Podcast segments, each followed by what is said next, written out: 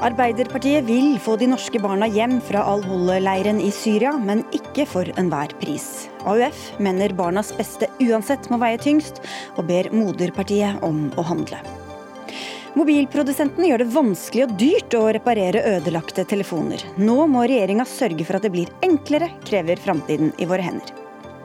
Norge topper sykefraværsstatistikken. For å få ned fraværet vil regjeringa bistå bedrifter med eksperthjelp, som å kaste isbit på et brennende hus, sier forbund. Og politiet rykket ut på færre oppdrag i 2018 enn før politireformen. Det bekrefter at reformen er feilslått, slår Senterpartiet fast.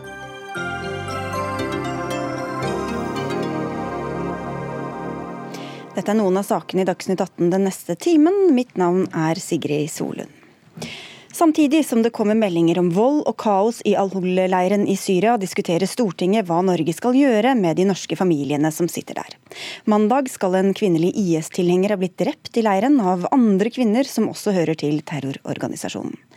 I sentrum for den norske debatten står en syk fireåring med søsken og en mor som ikke vil sende ham fra seg. I går diskuterte vi et forslag fra Miljøpartiet De Grønne om å få gutten hit til landet, og i dag kom dere med fire forslag inn i trontaledebatten i Stortinget. Eirik Sivertsen, du sitter på Stortinget for Arbeiderpartiet. Og det første går ut på at Stortinget skal be regjeringen om å aktivt tilrettelegge for transport av alle barn fra norske familier i Syria, i tillegg til å sørge for relevant helsehjelp. Men hva ligger egentlig i dette forslaget rent praktisk? Ja, Det betyr at regjeringa må gjøre en aktiv innsats for å legge til rette sånn at de foreldrene som ønsker at barna deres skal ha en mulighet til å komme ut av den eh, ekstremt vanskelige situasjonen som er på innsida av flyktningleirer, får bistand fra norske myndigheter til det. Og I det så ligger det at norske myndigheter aktivt må arbeide for at man får et tilstrekkelig eh, helsetilbud eh, så snart som mulig, og det betyr jo i praksis øyeblikkelig. Men har du grunn til å tro at regjeringen ikke gjør akkurat det? Men, altså, jeg bet meg jo merke i at uh, min kollega stortingsrepresentant og nyvalgt uh, visepresident i, i, Stortinget karakteriserte regjeringas innsats i denne saken som handlingslamma tidligere i, i, uka. Så det er i hvert fall grunn for å gjenta Altså Venstres Abid Raja viser du til nå? Ja, det er Venstres Abid uh, Raja, visepresident Raja, som valgte å bruke informeringa. Så det er i hvert fall grunn for oss til å gjenta hva som er vår posisjon. At barna må få komme til, til Norge, og at norske myndigheter har et ansvar ansvar for, og det betyr regjeringa har et ansvar for å tilby helsehjelp. Og så har vi hatt andre medlemmer fra regjeringspartier som sier, sitter her og sier at de har gjort det. Men til dette forslaget fra MDG, som jo var mer konkret, som handlet om å hente denne gutten hit. Hvorfor ikke stemme for det? Det, det, er flere eh, grunner til det. For det første så er jo eh, ansvaret for å følge, følge opp norske eh, statsborgere i utlandet som trenger eh, bistand, det er regjeringas eh, ansvar. Så er, legger vi ut på ville veier hvis vi skal drive saksbehandling av enkeltpersoners eh, situasjon i Stortinget. Det er både et konstitusjonelt forhold i forholdet mellom hvem som har ansvaret for hva når det gjelder storting og regjering. altså Stortinget er lovgivende myndighet, mens regjeringa har ansvaret for det utøvende delen delen.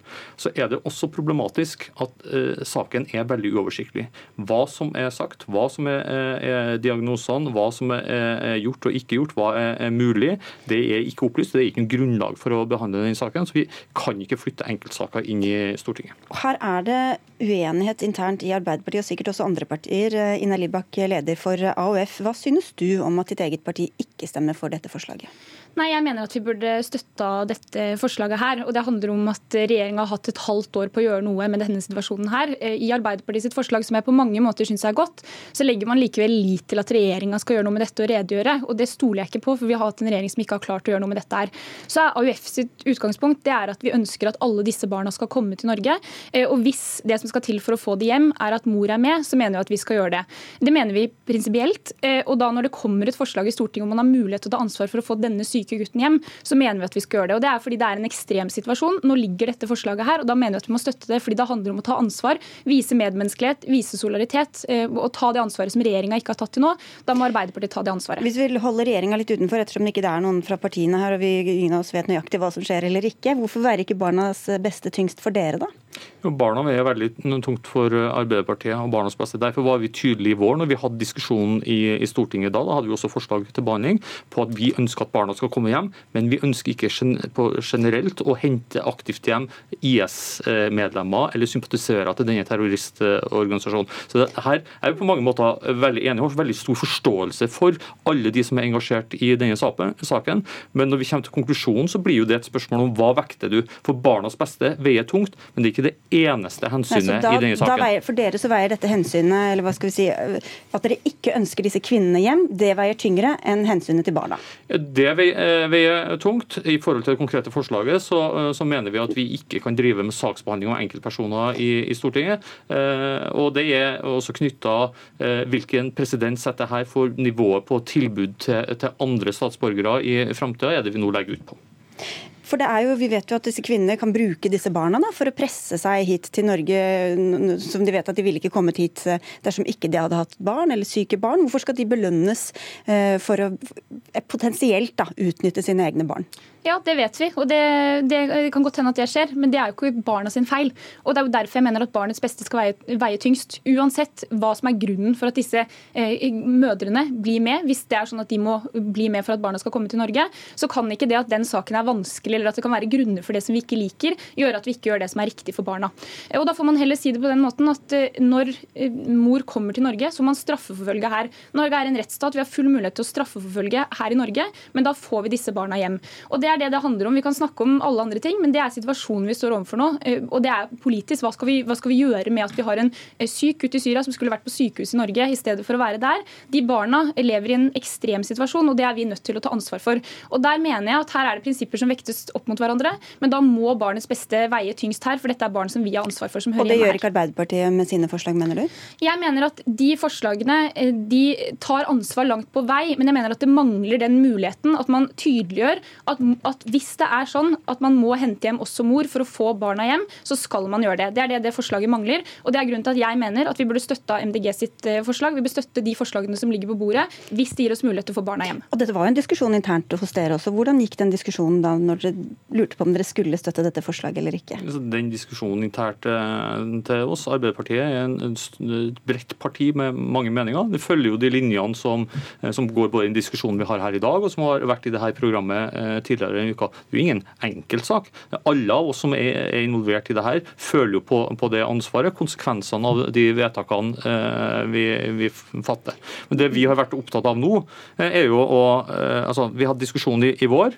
Eh, tillit til at regjeringa håndterer det her. Vi har bitt oss merke i at selv inne i regjeringspartiene så er man ikke omforent om at regjeringa har gjort nok. Så vi legger jo til rette for at et storting kan be regjeringa komme og fortelle om hva er gjort, hva er situasjonen, hvordan tenker man at man skal jobbe videre med det her. Men for å ta tak i noe av det du sier, for Et av argumentene som du sier mot MDGs forslag er at dere ikke vil gripe inn i enkeltsaker og drive saksbehandling. Samtidig så er det sånn at denne syke gutten som vi snakker mye om, eh, han har også ressurssterk familie i Norge. Og dere foreslår at regjeringen tar initiativ overfor familie i Norge til barn som har norske, eh, norske, foreldre og befinner seg i Syria for å bidra til en trygg uttransportering av barna. Er ikke det også skreddersydd til akkurat denne ene familien? Nei, det, er ikke riktig. fordi det er i tråd med hva vi foreslo i, i, vår. Der vi sier at ok, vi skjønner at uh, hvis du uh, får et tilbud om å, overlate barnet ditt til noen andre enn deg sjøl for uttransport til, til Norge, så bør nære familiemedlemmer og andre pårørende ha en mulighet til å bistå i den prosessen. Det er ikke en omsorgsovertagelse vi, vi snakker om.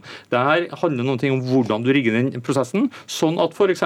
besteforelder eller søsken av foreldrene eller noen andre kan ta en rolle i, det, i å, å, ta ansvar for det barnet når det kommer til Norge. For Én ting er å få, få, dem ut, vi må også legge til rette for en livssituasjon som er riktig når du kommer til Norge. Det skal ha vært svenske barn som har dødd i, i denne leiren. Hvordan tror du denne saken kommer til å stå seg, eh, Libak, etter i morgen? Når det, disse forslagene skal voteres over? Nei, Jeg mener det er veldig viktig at vi tar ansvar nå. så vil jeg si til akkurat det med å mene noe prinsipielt, så er det vi i AUF mener det er også prinsipielt. Fordi vi mener prinsipielt at alle de barna skal få mulighet til å komme til Norge, også hvis det innebærer at mor skal med. Men når dette forslaget nå gjelder denne ene gutten, så mener jeg at det er riktig å støtte det. Eh, fordi det henger sammen med de prinsippene vi har om at barnets beste skal veie tyngst i disse sakene her. Og det skal altså stemmes over i morgen. Hva slags kontakt har dere med de andre partiene for å prøve å få flertall for deres forslag?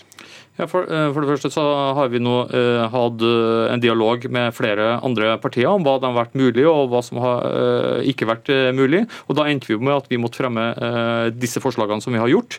så bet jeg meg merke i at Grøvan fra KrF var åpen for en, en, redegjørelse i Stortinget tidligere i dag. Vi har forsøkt å innrette vårt forslag som Stortinget kan ha en rolle i å diskutere dette på et generelt og et opplyst og ordentlig måte. Så håper vi at flertallet kan samle seg da om i hvert fall deler av forslagene våre. KrF og Høyre har også vært her også i dette studio snakket om dette, og vi har forsøkt å invitere Venstre til å komme, men de hadde ingen politikere til å avsette denne debatten. Men takk skal dere ha for at dere kom, Ina Libak og Eirik Sivertsen. Dagsnytt 18 alle hverdager kl 18.00 på NRK P2 og NRK2. Situasjonen er kanskje litt for eh, velkjent. Du holder mobilen i hånda, og så glipper den ut av grepet og faller i bakken. Skjermen er knust, og det koster mye penger, i hvert fall hvis du skal få den fikset hos produsenten selv. Kanskje er det like greit å kjøpe en ny telefon, den andre var jo halvannet år gammel uansett. Anja Bakken Riise, du er leder i Framtiden i våre hender og reagerer på at mobilprodusenter, og du peker spesielt på Apple, gjør det vanskelig og dyrt for kundene å få telefoner reparert og ta vare på, på tingene sine. Hvordan gjør produsentene det, mener du? Jo, altså Først litt kontekst. Vi eh, importerte jo over to millioner mobiltelefoner til Norge i fjor. Eh, vi bytter dem ut nesten annethvert år. Og det som er, er jo at med mobiltelefoner så kommer de største konsekvensene for mennesker og for miljø. Den kommer når mobilen produseres. Derfor er det så viktig at vi tar vare på dem litt lengre for å øke miljøgevinsten. Eh, og da må det være både billig eh, og enkelt å reparere, og sånn er det ikke i dag. Når Apple eh, har tatt full kontroll, bl.a. ved at de nekter uavhengige reparatører tilgang til reservedeler, til reparasjonsmanualer og, og det verktøyet som spesialverktøyet man må bruke for å fikse eh, Apple sine telefoner. Eh, de eh, designer telefonene på en måte som vanskeliggjør reparasjon. og i tillegg har de til og med gått til søksmål mot en liten uavhengig reparatør fra Ski. Så det er ikke lett å være uavhengig reparatør i dag. Og nå mener vi at regjeringa må rydde opp. Eh, og de må rett og slett eh, ta ansvar og sørge for å gi oss retten til å reparere. Klima- og miljøminister Ola Elvestuen, hvorfor skal vi ha et sånt system hvor det er så vanskelig og dyrt å ta vare på tingene våre? Nei, jeg synes at dette er et veldig bra innspill fra Fremtiden i våre hender. Nå jobber vi jo nettopp med hvordan Norge skal ta steget over og være ledende i det som er en sirkulær økonomi. Dvs. Si at vi skal bruke ressursene våre, eh, gjenbruke og bruke de mer effektivt. Det er vi nødt til. Skal vi etablere en global økonomi innafor det som er eh, naturens tåleevne, som er helt avgjørende og nødvendig. Eh, og så er det jo hvordan skal vi klare å ta tak i akkurat denne problemstillingen. Her sånn har det jo med et stort internasjonalt selskap å gjøre. Eh, og vi vil nå se på hvordan vi kan komme med inngrep, men jeg tror nok det krever et mer samarbeid. Vi har et godt samarbeid i Europa, både på kjemikalier, på andre også eh, områder der vi trenger mer økodesign. Jeg tror jeg må ta med dette innspillet også inn i det arbeidet vi har med sirkulær økonomi, og hvordan vi så kan gå videre. Ja, for nå skal du se på Det betyr at du ikke sitter med noen tiltak eller svar eh, per dags dato? Ja, nå sitter vi på mange, sitter vi på mange tiltak når det gjelder eh, innenfor det som er sirkulær økonomi. Enten det er innenfor eh, plast, vi er i oppstarten når det gjelder eh, klær, vi jobber inn mot eh, ja, men Nå snakker vi om mobil, mobiltelefoner. Nei, det er sånn må vi se på. Dette handler om hvordan vi skal ha kraften for å kunne påvirke de store selskapene som Apple. Og, og Da er det vanskelig å være en mindre økonomi som det Norge er. Jeg tror vi trenger også å jobbe med dette sammen med resten av Europa, som vi gjør på andre områder. Vi har nettopp okay. vært med å påvirke inn mot uh, kjøleskap, andre designere og, og få økodesign på andre varer for okay. å få det til. Da skal vi høre med Bakken Riise. Hva kan egentlig Norge gjøre på egen hånd, mener du? Altså, det her er altfor defensivt. Det er fint, og eh, jeg er glad for at eh, ministeren støtter initiativet, men han kan gjøre flere tiltak allerede nå. Eh, det ene man kan gjøre, er å, å, å lovregulere at det skal være fritt verkstedvalg for mobiltelefoner i Norge, på samme måte som det er med biler. Hvis du tar med Volvoen din til, til verkstedet, så kan du gå, gå, til hvilket som helst verksted. Det trenger ikke å være et Volvo-sertifisert et, fordi at vi har et, et, offentlig organ som sertifiserer mekanikere, og som, og som gir dem retten til å reparere. Det samme må vi da kunne få på plass for mobiltelefoner. I EU så har de nå jobba for å utvide det som heter økodesigndirektivet. Der har de sørga for fritt verkstedvalg på TV og på kjøleskap og på frysere og en del hvitevarer. Men det store nå er å sørge for å få det til på mobiltelefoner også. Og der trenger vi faktisk ikke å vente på EU. Det kan Norge faktisk gå i tet på. Det hadde sannsynligvis også gjort det enklere for andre land og også EU å følge etter og få det regelverket på plass. Vi må få på plass det her. og øke den tilgangen til eh, reservedeler, eh, reparasjonsmanualer osv. Og, og så må man selvfølgelig også ta tiltak for å ta, ta, grep for å kutte prisen på reparasjoner. Og Da kan regjeringa allerede i statsbudsjettet som legges fram på, på mandag, eh, f.eks. For foreslå å kutte momsen på reparasjoner, sånn at det relativt sett blir billigere å velge å reparere, framfor å alltid kjøpe nytt, at det alltid skal være det billigste. Okay, da skal Elvestuen få svare på det før vi går videre her. Ingenting defensivt med det jeg sier. Tvert Tvert imot så har regjeringen satt seg mål om at vi skal bli internasjonalt ledende, ledende på det som handler om å, å, etablere en sirkulær økonomi. Og akkurat som ble nevnt her, Når det gjelder økodesigndirektivet, så har Norge vært helt sentral også for å utarbeide og få det på plass. Når vi da ser på mobiltelefoner, så er det også det neste steget hvor vi selvfølgelig, for å ha kraft, må jobbe sammen også med resten av Europa. Det er klart, Klima- og miljødepartementet er, helt, er så tett på de prosessene som det er mulig å være. Og Når jeg sier at vi skal ha med innspill, så er det nettopp nettopp for vi skal legge fram en, helt, en melding på sirkulær økonomi som så skal følges opp. Da trenger vi jo nettopp denne og mange andre innspill, sånn at vi får utarbeidet og satt på plass for vedtatt den politikken som vi trenger. Vi har selvfølgelig forsøkt å komme i kontakt med Apple og få en kommentar derfra, uten å lykkes. Men Eirik Solheim, du er journalist og teknologirådgiver i NRK Beta. Hvorfor tror du at mobilprodusentene legger opp til et sånt system hvor de skal ha all kontroll, og det er dyrt og vanskelig å gå til andre. Det er jo, eh, Spekulasjonene er jo at de gjør det for å kontrollere markedet, og dermed kontrollere prisen, eh, sånn at de tjener på reparasjonene. Så kan du jo spekulere i om de gjør det bevisst fordi at de vil at vi skal kjøpe ny telefon, hvis det blir for dyrt eller for vanskelig å reparere. Eh, om du spør teknologiselskapene selv, så har jo de andre De vil jo aldri innrømme det i så fall hvis, de, hvis det er det som er grunnen, men de har andre grunner. og Det ene er jo sikkerhet. For så vidt plausibelt. Litium batteriene som vi har i mobiltelefonene, kan være farlige hvis ikke de blir behandlet riktig. Så Et argument er jo at hvis du begynner å fikle inn i deg selv, så kan det rett og slett være farlig. Eh, datasikkerhet er også, hvis du får tilgang til for mye inn i det, så kan det kanskje være lettere for hackere å komme til inn i det. Og så er det det fysiske. At dagens telefoner er vanntette, de er tynnere og tynnere. Og da er det også et argument fra fra produsentenes side at eh, det er vanskeligere å reparere. Du skal sette den sammen igjen, så skal den fremdeles være vanntett osv. Ja, så hva gjør de da for at de skal ha kontrollen hele veien, at vi ikke skal gå til disse billigere sjappene for å fikse skjermen f.eks.? Det, det ene er jo det fysiske, og, og som jeg har sett selv, for jeg er en sånn person som driver og reparerer ting, og har sett liksom at du går fra vanlige skruer som du kan ta et vanlig skru igjen, til at det er spesialskruer, som det rett og slett er bare vanskeligere å plukke ting fra hverandre. Og så er det jo det med informasjon og manualer, at det ikke er noe ordentlig reparasjonsmanual som følger med, og de holder igjen informasjon sånn at det skal være vanskeligere for oss. Eh, de kan holde igjen muligheten til å få tak i reservedeler, eller si at det er bare enkelte typer verksted som får kjøpe reservedeler. Og for elektronikk sånn som mobiltelefoner, så har du også muligheten hvor produsenten kan gå inn og rent elektronisk sikre, sånn at hvis du har åpnet den og setter den sammen igjen, så virker den rett og slett ikke. For det er bare et autorisert verksted som kan aktivere den igjen etter at du har satt i en ny del, f.eks. Men Anja Bakken Riise, det er vel ikke så rart heller at produsenten ønsker å ha kontroll over hva som skjer med mobiltelefonen etter hvert, både når det gjelder eh, sikkerhet og kvalitetssikring av hvordan den skal fungere?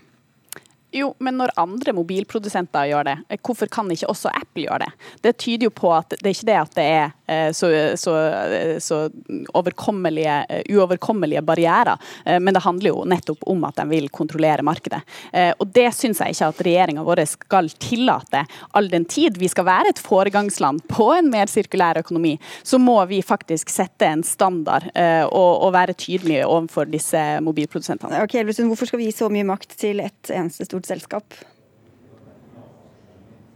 Ja, vi, vi, er nødt til å eh, stille krav, eh, og dette handler ikke om vi skal stille krav. Sånn er vi nødt til å få eh, både mer reparasjon, vi må bruke ressursene og utnytte dem bedre i framtida. Så dette handler om dette er ett innspill. Dette blir selvfølgelig behandla også i den planen som vi skal legges, legges fram. Og så trenger vi å jobbe sammen med flere land for å både lage et regelverk og et regelverk som fungerer og som påvirker og bestemmer overfor de største selskapene vi har i verden. Ok, men til slutt, Erik Solheim. Det er jo noe litt sånn paradoksalt i at ettersom teknologien blir bedre og bedre, så bytter vi telefonene oftere og oftere ja, det er jo det. Og de, de, har blitt bedre og bedre. De har blitt mer vanntette. Og det kanskje virker underlig å si at skjermene har blitt bedre også, for det er sikkert mange der ute som går rundt med knust skjerm på telefonen. Men, men, teknologien blir bedre. Eh, og det er faktisk ting som tyder på at vi beholder telefonene våre litt lengre nå, og at eh, mobiltelefonsalget går litt ned fordi at de faktisk varer litt lenger. da. Så litt er opp til oss selv også, da.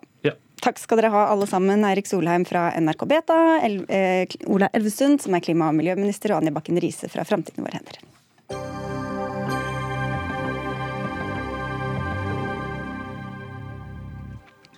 Vi har hørt det før, vi hører det igjen. Norge topper statistikken for sykefravær. Som ett tiltak for å få ned sykefravær bevilger regjeringa 50 millioner kroner i året på eksperthjelp til bedriftene. Tiltaket er en del av den nye IA-avtalen, hvor målet er å få ned sykefraværet med 10% fra fjorårets årsgjennomsnitt. Olaf Thommessen, du er administrerende direktør i SMB Norge, som er tidligere Bedriftsforbundene, ja, som organiserer små og mellomstore bedrifter. Og du skriver at du ikke kan unngå å tenke at dette blir som å kaste en isbit på et brennende hus, samtidig som en beviselig meget effektiv brannbil står innesperret og fredet i garasjen. Det var jo tabloid og friskt. Var ikke det fint? Hva mener du med det? Nei, Jeg mener at det er en stor, et, en stor elefant i rommet, og det er sykelønnen. Det er altså en, vi er de sykeste men er likevel det rikeste og lykkeligste landet i verden og har høy sykefravær i Vest-Europa. Snakk for deg selv, tenker jeg. Men... Ja da, ja da. Nei, men ifølge alle statistikker så er det i hvert fall det. Og, og vi har altså syke, høyeste sykefravær i hele Vest-Europa. Det koster norsk næringsliv 36 milliarder kroner, og det er det små og mellomstore bedrifter som betaler hvert år. Og det er ganske åpenbart at det er en sammenheng mellom verdens mest sjenerøse sykelønnsordning og verdens høyeste sykefravær. I Sverige, når de reduserte eh, sykelønnsordningen og, og innførte en karensdag, så reduserte de sykefravær, korttidsfravær, med med 50% på et år. Men Hvorfor kan du ikke gi disse positive tiltakene en sjanse jo, først? da? Jo da, nei, altså du kan si akkurat dette med eksperter, det er kjempefint. Men det, det er som jeg sier, det å kaste en, en isbit på et brennende hus, det er fint, det er, det er gøy, kan godt prøve det. Men f.eks. IA-avtalen, årsaken til at vi har denne eksperthjelpen nå, er fordi IA-avtalen beviselig ikke har fungert. IA-avtalen er altså den tre, avtalen om inkluderende arbeidsliv med, med arbeidsgiver og arbeidstakere. Det, har ikke fungert fra starten av. Eh, og, og det, er, det, er liksom, det er litt rart at man velger å fortsette ordninger som beviselig ikke fungerer, og så prøver man å bøte litt på med denne eksperthjelpen. Og det er fint, det. Det, det, er gøy å prøve å få til liksom noe annet, men det er en stor elefant i rommet, og det er en stor brannbil i garasjen som kan slukke brannen, og det er å endre sykelønnsordningen. En isbit, eh, Guro Angell Gimse, du er statssekretær i Arbeids- og sosialdepartementet. Hva slags eh, hjelp tror dere dere kommer til å få av dette tiltaket?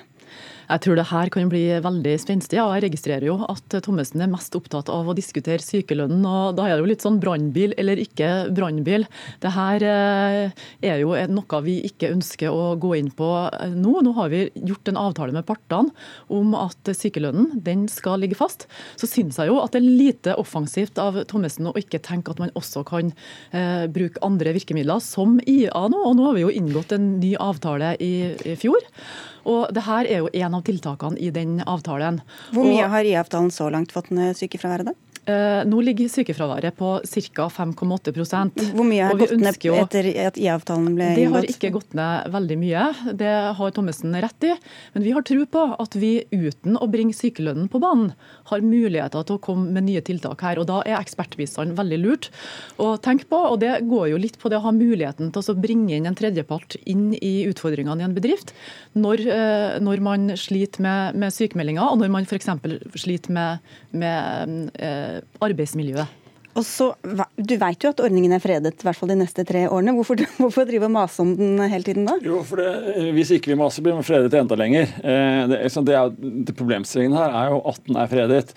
Eh, ja, det, En eksperthjelp kan sikkert være fint, det er 50 millioner kroner eller hva det var i året og noen år fremover, men det tar ikke tak i problemstillingen. Problemstillingen er, som vi er inne på, et altfor høyt sykefravær. Ikke minst et altfor høyt korttidsfravær, som små og mellomstore bedrifter betaler 36 milliarder i året for. Men, påpekte at det er ikke bare 50 millioner, altså. Men det, men det er greit, men, men, uansett hvor mye det er, egentlig, så tar man ikke tak i det som er reelle problemstillingen. Reelle problemstillingen er at fraværet er for høyt. og legge på liksom noen, noen, millioner kroner på en ordning som beviselig ikke har fungert på 20 år, ja, men det, det, er et nytt virkemiddel. God... Hvordan, skal, hvordan skal denne eksperthjelpen få, faktisk få ned fraværet? Ja, eh, Det er jo litt eh, avhengig av hva slags problemer bedriftene sliter med. For det første så er det jo her ett tiltak av flere i en tiltakspakke i nye IA. Eh, men eh, det kan jo være at en bedrift har behov for fysioterapeut, ergoterapeut, kanskje en person som er ekspert på konflikter. Vi vet jo at 30% av sykemeldingene skyldes faktisk konflikter på arbeidsplassen. Så det er utrolig viktig at man får tiltak på arbeidsmiljøet, og det satser denne nye IA-avtalen på. Men du sier at sykelønnsordningen er fredet. Samtidig så dukker det stadig opp folk fra ditt eget parti Høyre. Nå sist var det vel Henrik Asheim eh, i fjor som luftet muligheten for å endre på den. Så hvor lenge skal dere holde på med sånne små stikk, eh, stikkprøver ut i samfunnet, uten at dere tar den debatten på, på grunnleggende ordentlig måte? Nei, nå ligger eh, avtalen med partene i arbeidslivet fast. Jeg såpass respekt for de avtalene vi har inngått om at sykelønnsordningen skal ligge fast. Hvorfor lufter dere da hele tiden muligheten for å gjøre noe med den uten å ta debatten ordentlig? Eh, altså Nå har vi jo satt ned et sysselsettingsutvalg. og Partene har nå slutta seg til ekspertene i det utvalget. og eh, De vil komme med en rapport i løpet av neste vår. og Det blir veldig spennende å eh, se hva de kommer fram til da. og Da er det her et arbeid som gjøres sammen med partene. Så Vi gjør ingenting vi, uavhengig av partene i arbeidslivet. Nei, altså, problemet her, Dette er noe av problemet. fordi Partene i arbeidslivet, NHO, LO, Virke osv., som representerer store selskaper. 90% av norsk næringsliv er under ni ansatte. De er ikke representert av partene i arbeidslivet. De selskapene som da er 90% av sysselsettingen i Norge, de lider for korttidsfraværet på en helt annen måte enn de som representeres av partene i arbeidslivet. Slik at Det å diskutere dette i et lukket forum, som dette da er, det er veldig uheldig for norsk sysselsetting, for norsk produktivitet og faktisk for norsk demokrati. Dette burde vært diskutert på Stortinget. Eh, og Stortinget burde tatt stilling til, til hva man skal gjøre med sysselsetting, nei, unnskyld, med, med, med sykelønnsordningen, fremfor at det diskuteres i et lukket rom i et, et velde av Virke, NHO og LO. Ja, Vi vil få mange muligheter til å debattere dette her med utgangspunkt i rapporten som kommer framover. Og eh, jeg kan forsikre deg om at dere også vil høres i denne sammenhengen. Så det, så det er viktig. Og, men jeg må jo si at når det gjelder forslagene vi har kommet med nå, da, så, så hadde jo egentlig jeg forventa at dere har kommet til å juble over det. For at nå er jo faktisk IA også åpen for alle. Små bedrifter også, som ikke har inngått en særskilt eh, IA-avtale. Før var det jo sånn at du måtte signere med Nav. Og så kunne du få del av tiltakspakken som Nav hadde. Så nå kan jo bedriftene dine faktisk ta del i denne tiltakspakken. Få en eh, ekspertbistand hvis man trenger det, opptil 20 000 per tilfelle. Og det er jo utrolig bra. Det er absolutt mye bedre enn en, en, en ingenting, men det løser likevel ikke problemet, tror vi. Vi har sett at IA-avtalen overhodet ikke har fungert. Vi har en annen løsningsforslag, som er, som er som sagt elefanten i rommet. Det er brannbilene i garasjen som kan slukke brannen, mens dere ikke adresserer brannen. Det virker ikke som dere ser brannen engang, og det er det som jeg syns er litt bekymringsfullt. Men du sier at du er opptatt av, av korttidsfraværet, de fleste andre er opptatt av langtidsfraværet. Det, det er riktig, takk for at du spør om det. Det er et veldig godt poeng. fordi Det interessante med det er at alle er opptatt av langtidsfraværet, for det er det staten som betaler kostnader. Så er man opptatt av statens kostnader knyttet til langtidsfraværet. Korttidsfraværet, de første 16 dagene, er det bedriften som betaler. De to-tre første dagene er det mest største problemet for små og mellomstore bedrifter. Det koster norsk næringsliv, små og mellomstore bedrifter, under ni ansatte, 36 milliarder kroner. Det er det dobbelte av langtidsfraværet koster staten. Men det er det ingen som bryr seg om. Men du aner ikke om det å gjøre noe med korttidsfraværet kan få noen konsekvenser for langtidsfraværet? Altså, som jo også er et stort problem. Da må jo være det også for de ja, små ja, selvfølgelig. Jo, ikke sant? Så det, absolutt. Så det viktigste for oss er jo egentlig at vi finner et system. Vi, vi har foreslått karensdag og, og, og, og, avkorting de første 16 dagene. Men det viktigste for oss er jo egentlig å finne et system der vi har en reell trepartsfordeling med arbeidsgiver, arbeidstaker og stat. I dag er det bare arbeidsgiver og stat som betaler for dette. Det er naturlig at arbeidstaker også er med å betale det spleiselaget som sykefravær faktisk er. Og, det får du åpenbart ikke partene med på. for partene partene sitter i et lukket rom eh, og representerer de store norske bedriftene, for hvem dette ikke er et stort problem. Partene sitter ikke i et lukket rom. Eh, sysselsettingsutvalget har høringer, og de vil komme med en rapport. og Så vil det kunne behandles eh, etter hvert av både regjering og storting og andre. Nå skal dere få slippe ut av dette lukket rommet, i hvert fall. Takk skal dere ha begge to. Guro Angeli Gimse fra Arbeids- og sosialdepartementet, Olaf Thommessen fra SMB Norge.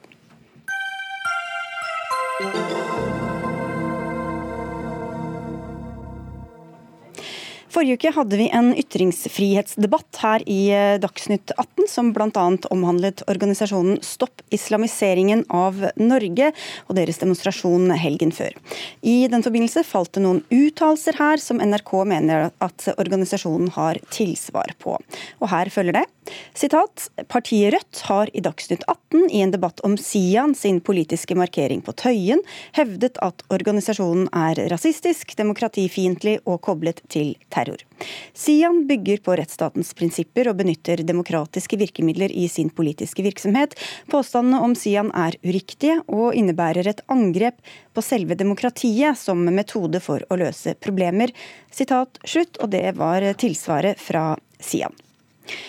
Så minst 19 mennesker er drept og flere hundre er såret i en demonstrasjon i Irak de siste par dagene. En av de drepte er ifølge irakiske sikkerhetsmyndigheter aktivisten Hussein Adel Madani. Han og kona skal ha blitt skutt hjemme hos seg selv. Folk demonstrerer mot regjeringa, bl.a. pga. korrupsjon og høy arbeidsledighet. Korrespondent i Istanbul, Sissel Wold, hvor alvorlig vil du si at situasjonen nå er i Irak? Ja, Dette minner ganske mye om eh, opptøyene under den, eh, eh, den, arabiske våren i 2011. For her er det en ny generasjon. Det er unge mennesker som er kjempefrustrert over at de ikke ser noe håp for fremtiden sin. De får ikke jobber. Arbeidsledigheten for unge i Irak er på 25% og så er de enormt frustrerte over, over korrupsjonen i, Iran, i, i, unnskyld, i Irak. Det er uh, mange som uh, må ha bekjentskaper. De må betale penger for å få jobber i administrasjonen. Uh, det er mange som er fattige, som ikke får arbeid. Og så er det andre som har gått ut fra universitetet, som har gode utdannelser, og de får heller ikke arbeid. Det de også er veldig misfornøyd med, det er at staten eller regjeringen ikke leverer tjenester som er gode nok, ikke vann og strøm. Så det er sammensatt, og dette er et opprør uten en klar ledelse. Og så er det erklært portforbud i hovedstaden Bagdad. Hvorfor det? Jo, de prøver jo å dempe gemyttene, for det har vært uh, av alle ting store opprør på Tahrir-plassen. De har et sted som heter det i Bagdad også, sånn som i Egypt. Um, uh, og det har også vært uh, forsøk på å storme flyplassen og denne grønne, denne, dette, denne grønne sektoren, der hvor diplomater og mange ambassader holder til. Så regjeringen til, til statsminister eh, Abdul Mahdi er eh, under veldig sterkt press. Han har jo bare sittet i ett år ved makten, og dette er en stor utfordring for dem som de ikke helt vet hvordan de skal håndtere. Kjetil Selvik, seniorforsker ved Norsk utenrikspolitisk institutt, NUPI, nærmere bestemt Forskningsgruppen for fred, konflikt og utvikling. Disse protestene, hvorfor kommer de akkurat nå? Jeg tror de kan ses i sammenheng med valget i Irak i 2018, parlamentsvalget, som også var et protestvalg der velgerne ga veldig tydelig beskjed om at de ønsker grunnleggende endringer i Irak. Egentlig et oppgjør med den politiske eh, klassen som sådan. Slutt på korrupsjon. Eh, en stat som, som leverer tjenester til innbyggerne. Og så skjer det som så ofte skjer i irakisk politikk, at uh, tiden går og varene kommer ikke på bordet. Og det kommer til et punkt der befolkningen får nok. Det som Sissel Wold sier, Eh, en tradisjon for protester i Irak som i hvert fall går tilbake til eh, de arabiske opprørene i 2011. Og Nå blusser det opp igjen, men det er da første gangen under eh, president Mehdi. Mm. Statsminister Mehdi, unnskyld. Og så er det jo det som er spesielt med disse protestene, at vi har jo hatt ny ustabilitet i de sunni-arabiske områdene i nord, i områdene der, der IS slo seg opp. Så hele, hele framveksten av IS var jo bygget på en sånn grunnleggende fallitt i den irakiske staten og en dyp dyp mistillit til den sunni-arabiske befolkningen i Irak. Så har man hatt kurderne som har hatt sin kamp mot sentralregjeringen i, i Bagdad. Men det spesielle nå er at det er jo områdene i sør, majoritetsområdene til eh, de sjiamuslimske delene av eh, befolkningen, som reiser seg som, som byer i sør og, og, Bagdad. Og Hvordan svarer myndighetene da på disse protestene? De har jo svart uh, veldig hardt. Uh, de, som vi snakker om, 19 drepte, noen drept med, med, med skarpe skudd uh, osv. Som er en strategi som selvfølgelig kan ha en avskrekkende effekt, men det kan jo også ha stikk motsatt effekt, at dette faktisk oppildner protestene, og, og man setter i gang noe her som man ikke har forutsett. Mm. Og En av de drepte Sissel Wold, er altså denne aktivisten Hussein Adel Madani. Hva vet du om omstendighetene der? Ja, han eh, demonstrerte tre dager på rad. Og så var det maskerte menn som tok seg inn i leiligheten og drepte han og kona. Og de hadde eh, et bitte lite barn som da er eh, foreldreløs. Og dette er ganske brutalt, og dette har også gjort at veldig mange har reagert selvfølgelig veldig kraftig. En annen del av saken er at myndighetene har stengt sosiale medier, så det kommer ikke så mye informasjon ut som det pleier. Twitter, Instagram, WhatsApp er stengt. En annen del del av eh, sinnet er jo at Irak er en av verdens rikeste oljenasjoner. En av verdens største oljeeksportører. Og så har man også så lite penger eh, som kommer ned til eh, befolkningen. Dette er også noe som gjør at de er veldig sinte. Et litt stort spørsmål, Selvik. Vi husker jo tilbake til 2003, da Saddam Hussein ble styrtet.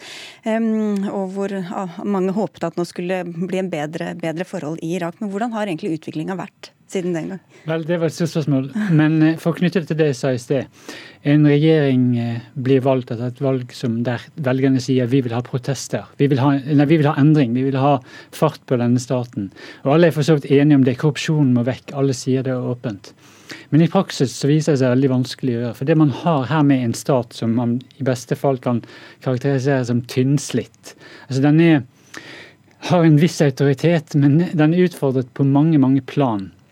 Det har å gjøre med at man etter 2003, etter okkupasjonen, aldri fikk på plass en, en, en, levedyktig stat, egentlig i betydningen en stat som hadde støtte, bred oppslutningsstøtte eh, nedenfra, legitimitet, som leverte tjenester, som greide å levere til eh, innbyggerne, og samtidig da eh, fornye den politiske klassen. For det, det man istedenfor fikk, var et slags system der eh, de samme aktørene, elitene, hvis du vil, hele tiden vant, ordnet det sånn at de kom igjen og, og, og, og inngikk eh, kompromisser på bakrommet som gjør at de ble sittende med makten. Så vi har en, en regjering som ikke greier å levere på eh, løftene sine. fordi at For det første, de har ikke reell makt. Det er ikke, det er ikke statsminister eh, Adel Mehdi som bestemmer i Irak. Han er bare statsminister. Man har en rekke lokale aktører, militsgrupper f.eks., som har kommet inn og tilbudt sikkerhet, tjenester til innbyggerne, fordi staten ikke er der.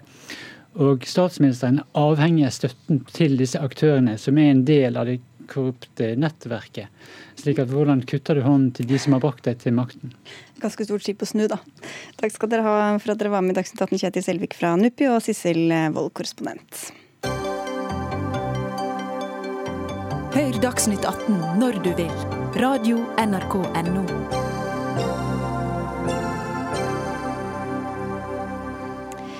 Etter nærpolitireformen har politiet rykket ut på færre oppdrag. Det viser tall som Aftenposten har hentet inn fra Politidirektoratet. Drøyt 668 000 oppdrag ble loggført i 2018, og det er en nedgang på 8,8% siden 2016. Politireformen reduserte antall operasjonssentraler fra 27 til 12, og tre av disse har du studert på nært hold. Jenny Maria Lundgaard, du er forsker og kriminolog ved Politihøgskolen. Operasjonssentralene må selvfølgelig prioritere når noen ringer inn og, og de må vurdere hva, hva de skal rykke ut på. Og Hvilke retningslinjer følger de egentlig da? Det er mange. Eh, helt overordna så handler det jo bare om, forstå, bare om å forstå hvem som trenger hjelp, og hva de trenger hjelp til. Og det høres jo på en måte enkelt ut å skulle gi dem den hjelpa, men ofte så er jo informasjonen dem for uklar og uoversiktlig og mangelfull. Eh, og likevel så må de ofte under tidspress ta en beslutning. Og så har de jo, de har jo mange retningslinjer på mange nivåer som handler om hvordan politiarbeid skal utføres. Og så har det også etter 22.07-kommisjonens rapport, så har det jo også blitt et større fokus på bl.a. responstid og beredskap, mm. som man ser på sentralene også. Og Hva gjør det med hva som blir prioritert og ikke? Um, Responstid eller beredskap? Respons, eller begge responstiden. Responstida gjør jo at man altså Bakgrunnen for responstida er jo at man vil gi hjelp til dem som trenger hjelp eh, mest først. Eh, samtidig som det jo er et ganske komplekst system. Og putte på den virkeligheten de sitter i. Fordi de sitter med så mange små og uklare ting som så skal inn i denne matrisa eh, og vurderes. Eh, så responstid gjør også at man på en måte legger et nytt nivå av styring inn i et område der det har vært ganske lite styring før. Eh, på godt og vondt. Og så det jo, skjer det selvfølgelig alltid feilvurderinger. Men hvilke eksempler har du kommet over hvor noen burde ha dratt ut, men valgte å ikke gjøre det? Jeg tenker Der er det to, måte, to, måter det kan skje på. Det ene er ved at eh, man ikke stiller de spørsmålene man skulle ha stilt. At man ikke samler nok informasjon, eh, og dermed ender opp med å kanskje velge å ikke dra på noen ting der man burde ha dratt. Eh, det andre er jo der det rett og slett ikke finnes nok informasjon, og der man først i ettertid får vite hva som hadde skjedd. Sånn som en av de hendelsene som blir referert i Aftenposten i dag, der det viste seg først et par dager senere at det som hørtes ut som bare bråk fra en leilighet, egentlig var voldsutøvelse. Og så er det jo dette satt i sammenheng med politireformen. Kan det ha noen sammenheng at det blir færre utrykninger eh, etter endringene? Det syns jeg er litt vanskelig å uttale meg om, for jeg har ikke sett på Det er ikke, det er ikke mine tall, de grafene, grafene, i Aftenposten, og det er ikke de tingene jeg har sett på. Jeg har mer vært opptatt av den meningsdannelsen de eh, foretar. Så jeg vil helst ikke spekulere i de tallene. Da skal vi høre litt med politikerne her. Tor Kleppen Settem, du er statssekretær i Justisdepartementet. Hvorfor ikke politiet sjeldnere ut nå enn før? Jeg tror det er to grunner til det. Eh, og bare si først at, at det er jo ikke et mål å ha 50 000 flere eller 50 000 færre oppdrag i, i, protokollen. Det som er riktig og viktig, det er jo faktisk å sørge for at vi rykker ut på de oppdragene som er viktigst, og der det virkelig haster mest. Jeg tror det er to grunner til at det har endra seg. Det ene er at uh, kriminalitetsbildet endrer seg. Uh, den klassiske vinningskriminaliteten har blitt mye mindre av enn tidligere. Og den typen kriminalitetsendringer, det tror jeg definitivt påvirker. Det andre som påvirker, det er jo de kvalitetskravene som dere to nå nettopp satt og prata om, nemlig de kvalitetskravene som nå stilles til politiet både på hva de rykker ut på, men også måten de registrerer på. For et av problemene i Politi-Norge et av mange problem har jo vært at Politi-Norge har operert veldig ulikt fra distrikt til distrikt. Noen steder håndteres hendelsen sånn, andre steder på en annen måte. Noen steder følges kriminaliteten opp på den måten, andre steder på en annen måte. Og til og med hvilken kriminalitet som prioriteres, har blitt vektlagt ulikt. Og den typen mer tydelige nasjonale krav, det er riktig og viktig, og det er et uttrykk for det, sånn som jeg leser det.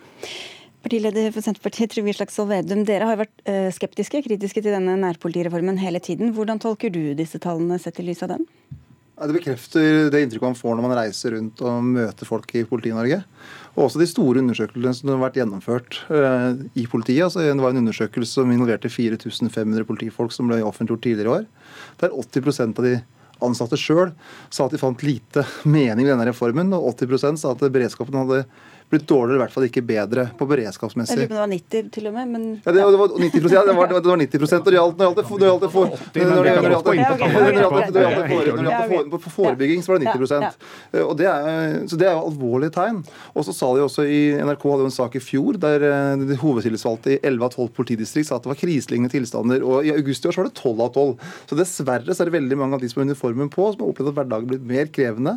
Det har blitt mer utfordrende. Og vi ser også på statistikken at det er sjeldnere og sjeldnere at det er politiet som er først på skadested. Det er oftere og oftere det, det lokale brannvesenet som kommer først f.eks. ved ulykker, og politiet kommer sjeldnere. og Det, det er også et negativt tegn, for det er statens grunnoppgave er at din og min trygghet, din og min sikkerhet skal være god om du bor i Oslo eller du bor på et lite sted. Og Det er en grunnprimæroppgave uansett om du sitter i posisjon eller opposisjon. Men er det ikke mer sentralt at de rykker ut de, der de må rykke ut, enn at de rykker ut flest mulig ganger? Jo, selvfølgelig er det det. Så, det noe, så Hvis verden bare hadde vært snill, så hadde, vært, hadde alle ropt hverandre. Men det, det som er viktig, er når man kontakter politiet, så skal man vite at det er en respons, og at det er mulig å få, få hjelp raskt. Og så er det det som klart du får enorme tjenestedistrikt. Ta mitt eget distrikt, da, Innlandet. Det Innlandet distrikt er 20% større enn Danmark. Og når du da har få tjenestebiler på vakt på en, på en kveld, og det f.eks. skjer noe da i øvre deler av Valdres, bilen er kanskje nærmere Gjøvik, det er da krevende å faktisk prioritere hvor skal bilen gå. og Det er noe av problemet nå, at det er for lite operative politifolk. Det er for sentralisert, som gjør at det er krevende for de som sitter på operasjonssentralen å kunne styre riktig. Og Det er et problem for politiet. men det er et problem når det er oftere og oftere brannvesenet som er først, og staten sjeldnere og sjeldnere kommer. Nå tar du egentlig ti ulike debatter inn igjen, da, så jeg skjønner at nå har du brukt alle de flakene du har fått med deg. Men det det som er ganske fundamentalt, er jo at politiet må respondere på den riktige måten. Vi kan ikke respondere ulikt fra distrikt til distrikt. Og Jeg har vært på operasjonssentralen i Innlandet og sittet i vakt og fulgt med der. Jeg. vet akkurat hvor langt og stort distrikt det er, og hvor krevende det er. Men det det handler om, er jo at en operasjonssentral i dag, på en annen måte enn tidligere, må klare å forutse kriminalitet som kan oppstå, eller hendelser som kan oppstå, og ikke sørge for at alle ressursene befinnes ett sted og ikke et annet. Altså En må se hele distriktet under ett. Og Det er utfordring hele Politi-Norge har, også Innlandet politidistrikt. Og, og, den undersøkelsen som du viste til aller først, av de fire-fem undersøkelsene du dro opp, den viste også at politiansatte i Norge sier at de grepene som politireformen tar til orde for, behovet for å bruke ressursene bedre, ja, den er enormt stor. Det sa også 80% på samme måte som 80% sa at de var stressa over kravene som stilles. Hvis vi holder oss til disse tallene fra Aftenposten, da tolker du dem positivt? At det er bra at politiet rykker ut sjeldnere enn før? Jeg tolker dem egentlig verken positivt eller negativt. Jeg tolker det som et faktum. Altså, dette er jo tall som politiet sjøl registrerer for å vite hvilken aktivitet de har. Det som jeg syns er viktig, det å vite om eh, operasjonssentralene klarer å håndtere hendelsen på den riktige måten, med den riktige kvaliteten, altså prioritere de alvorligste hendelsene og sette ressursene dit. For et av problemene, et av problemene i Politi-Norge tidligere var jo at altfor mye av ressursene ble brukt kanskje på lavere prioriterte hendelser, og så var han sårbar overfor de virkelig alvorligste hendelsene. Så dette er altså det er for å få et bilde over hvordan Politi-Norge opererer, og operasjonssentralene er helt nøkkel for å sette ressursene inn på riktig sted. Regjeringen kan jo ikke være nøytral til den type oppslag. Også med den type kunnskap som kommer fram her. At det er færre utrykninger. Og at det også er vanskeligere ja, og, og, også færre ja. muligheter til å komme gjennom Det blir jo et eksempel her. Man ringer operasjonssentralen. Ja, man, man, får folk tar ikke telefonen, må komme tilbake igjen senere. Og Jeg skjønner at dette er vanskelig, men det kan ikke være sånn at en regjering blir så opptatt av å forsvære en nærpolitireform som skaper uro i distrikt etter distrikt. Det er de som har uniformen på, sier fra så tydelig. Og, der, og, jeg, og jeg kunne vise når, du, når min motdebattant, statssekretæren, her viser til at jeg hadde mange rapporter, så er det nettopp for det er mange rapporter som peker samme veien. Det var også en stor bok som Politihøgskolen ga ut, som sa at her var tidenes sentralisering av norsk politi. Og det har vært en uklok reform. Hadde du blitt lykkelig hvis det var 50 000 flere oppdrag som var lovført enn det det var nå? Jeg hadde vært lykkelig det er kanskje, jeg ikke lykke, men jeg hadde vært glad hvis det var sånn at det ikke blir noe oftere og oftere at det er lokale brannvesen som kommer. Altså, det kan da ikke være et mål at vi skal registrere flere bare for å registrere. Vi må registrere det som faktisk skjer, og vi må prioritere riktig. Og Av dem rundt 668 000 oppdragene som var loggført i 2018, så er det jo sånn at det er en 3-4% som er altså prioritet 1, altså liv og helse står i fare, og virkelig utrykning.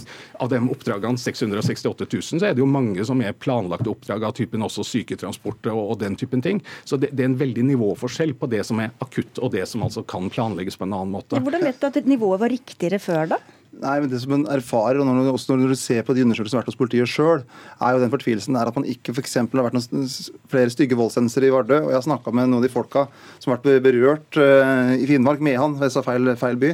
Uh, så sier du at det, jo, det er de lokale, sterke mennene som må stille opp, for politiet har ikke ressurser til å komme.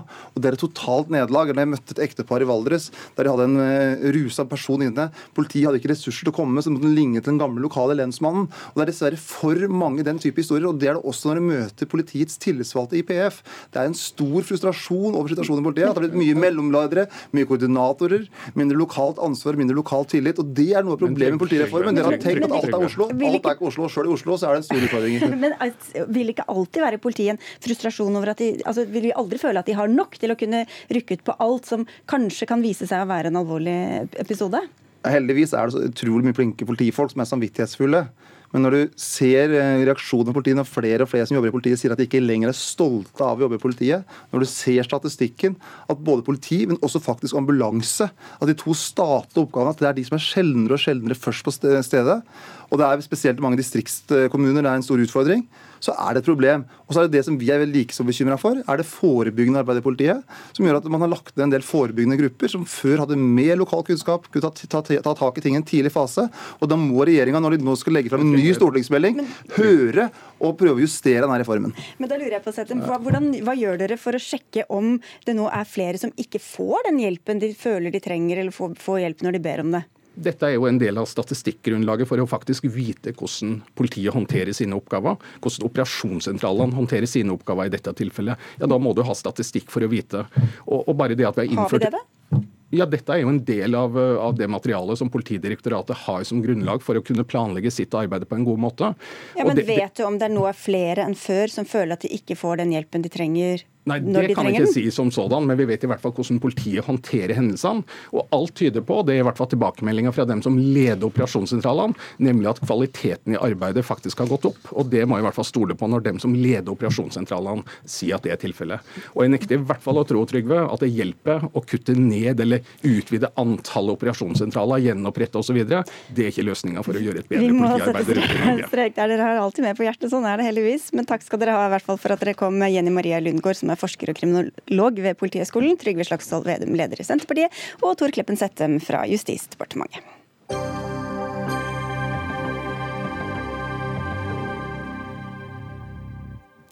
Norge dobler overføringene til FNs grønne klimafond til 800 millioner kroner årlig fra neste år. Pengene går til klimatilpasning og tiltak for å senke utslipp fra utviklingsland.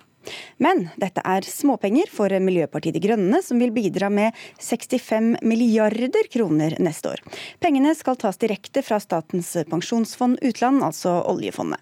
Og Arild Hermstad, nasjonal talsperson i MDG, MDG, dette tilsvarer mer enn 12 000 kroner per nordmann i året. Hvorfor så mye penger? Dette kravet kom jo fra klimastreikerne i vår her i Norge, som, eh, hvor det var 40 000 eh, unge klimastreikere som var ute og krevde at vi skal gjøre mer for å ta vare på klimaet. Det er i tråd med våre forpliktelser i Parisavtalen. Eh, Det er jaget en utredning fra Stockholm Environmental Institute på vegne av norske organisasjoner som sier at det er det Norge bør bidra med hvis vi skal ta vår del av dugnaden. Og det, Den dugnaden handler om å fylle opp penger på FN sitt grønne klimafond, som er satt ned for å kutte utslipp i fattige land i Afrika, Latin-Amerika og Asia, og samtidig gjøre at de landene blir bedre i stand til å takle klimaendringene, som rammer de veldig veldig urettferdig. Bård Hoksrud, stortingsrepresentant for um, Frp. Regjeringa har sagt at bidragene økes fordi Det grønne fondet har levert gode resultater så langt, og er en viktig kanal for å gjennomføre Parisavtalen, som Hermstad var inne på. Men hvorfor akkurat uh, 800 millioner uh, kroner? Nei, Det er jo det man har kommet fram til, at man øker til 800 millioner kroner nå. Men det Hermstad og, Miljøpartiet De Grønne gjør, er jo også en, et parti som ønsker å rasere denne næringa, fjerne hele næringa. De ønsker å legge ned oljenæringa i Norge, som bidrar med 260 milliarder kroner ca. De ønsker de bare at skal slutte med det. Og det, helt, det. og det er det som blir helt håpløst med dette forslaget her. Men, men, men dere sier jo altså at dette er en viktig kanal. Hva mener du fondet har gjort som er veldig bra?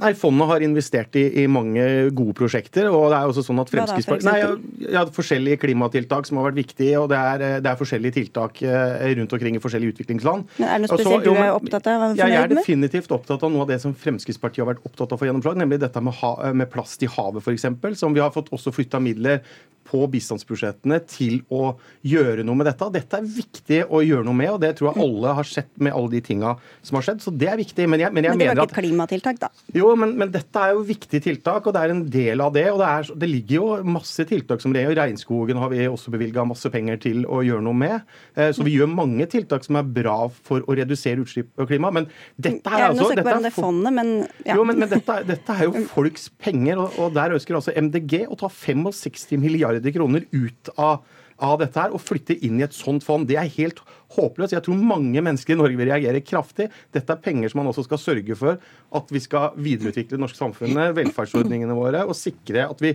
kan være med og, og, og få ny teknologi for å fortsette den gode, gode veksten og velstand som vi skal ha i Norge. Og Hvor lenge kan Norge bidra med så mye penger så lenge vi ikke, skal, eller ikke ønsker å få flere penger inn i dette fondet da, egentlig, Arild Hermstad? Altså, Fondet er i dag på 9700 milliarder. Det betyr at uh, vi kan overføre penger i 140 år uh, på det nivået som vi har, hvis, uh, hvis vi bare gjorde det og tømt fondet. Og Det som jeg er mye mer bekymret for, det, altså dette, de 65 milliardene, er en investering i at jordkloden skal være levelig for våre etterkommere. At vi skal unngå flom, at vi skal unngå orkaner, katastrofer som rammer uskyldige folk, og som har sluppet ut mye mindre CO2 enn det vi har gjort.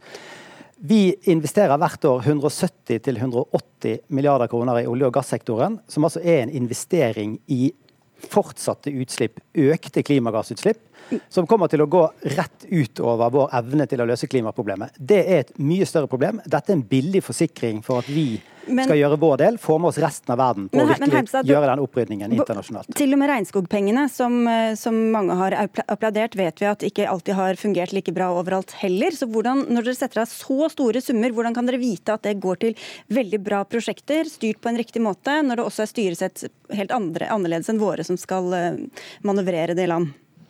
Altså, eh, dette fondet som skal bruke pengene, er FN sitt grønne klimafond. Det er nedsatt som en del av Parisavtalen.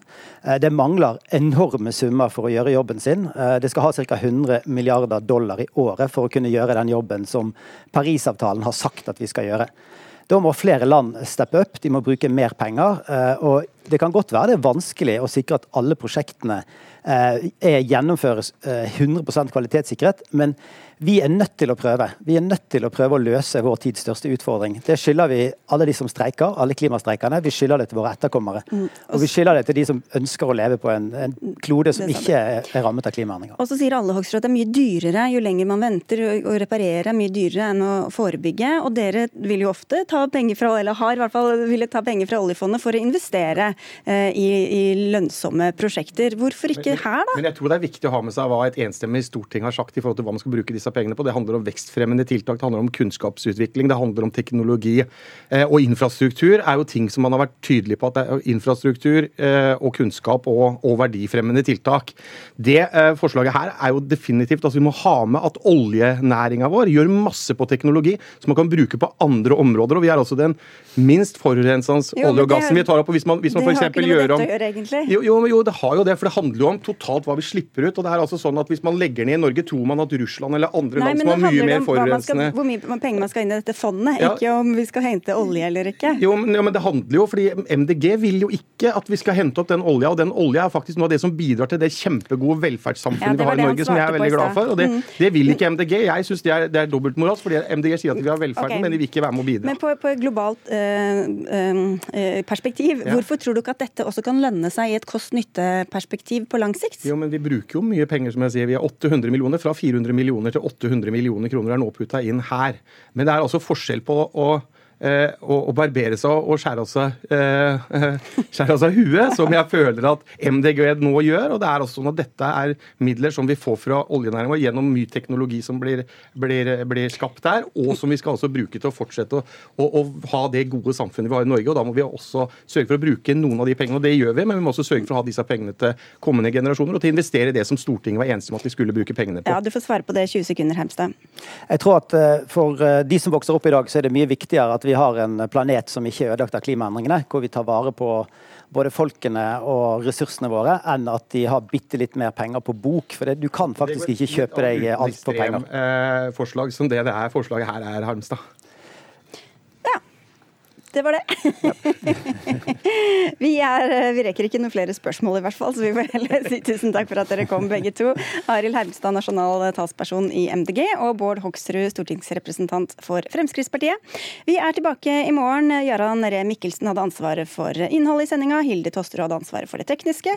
Jeg heter Sigrid Elise Solund, og vi ønsker en fin kveld videre, og takk for følget.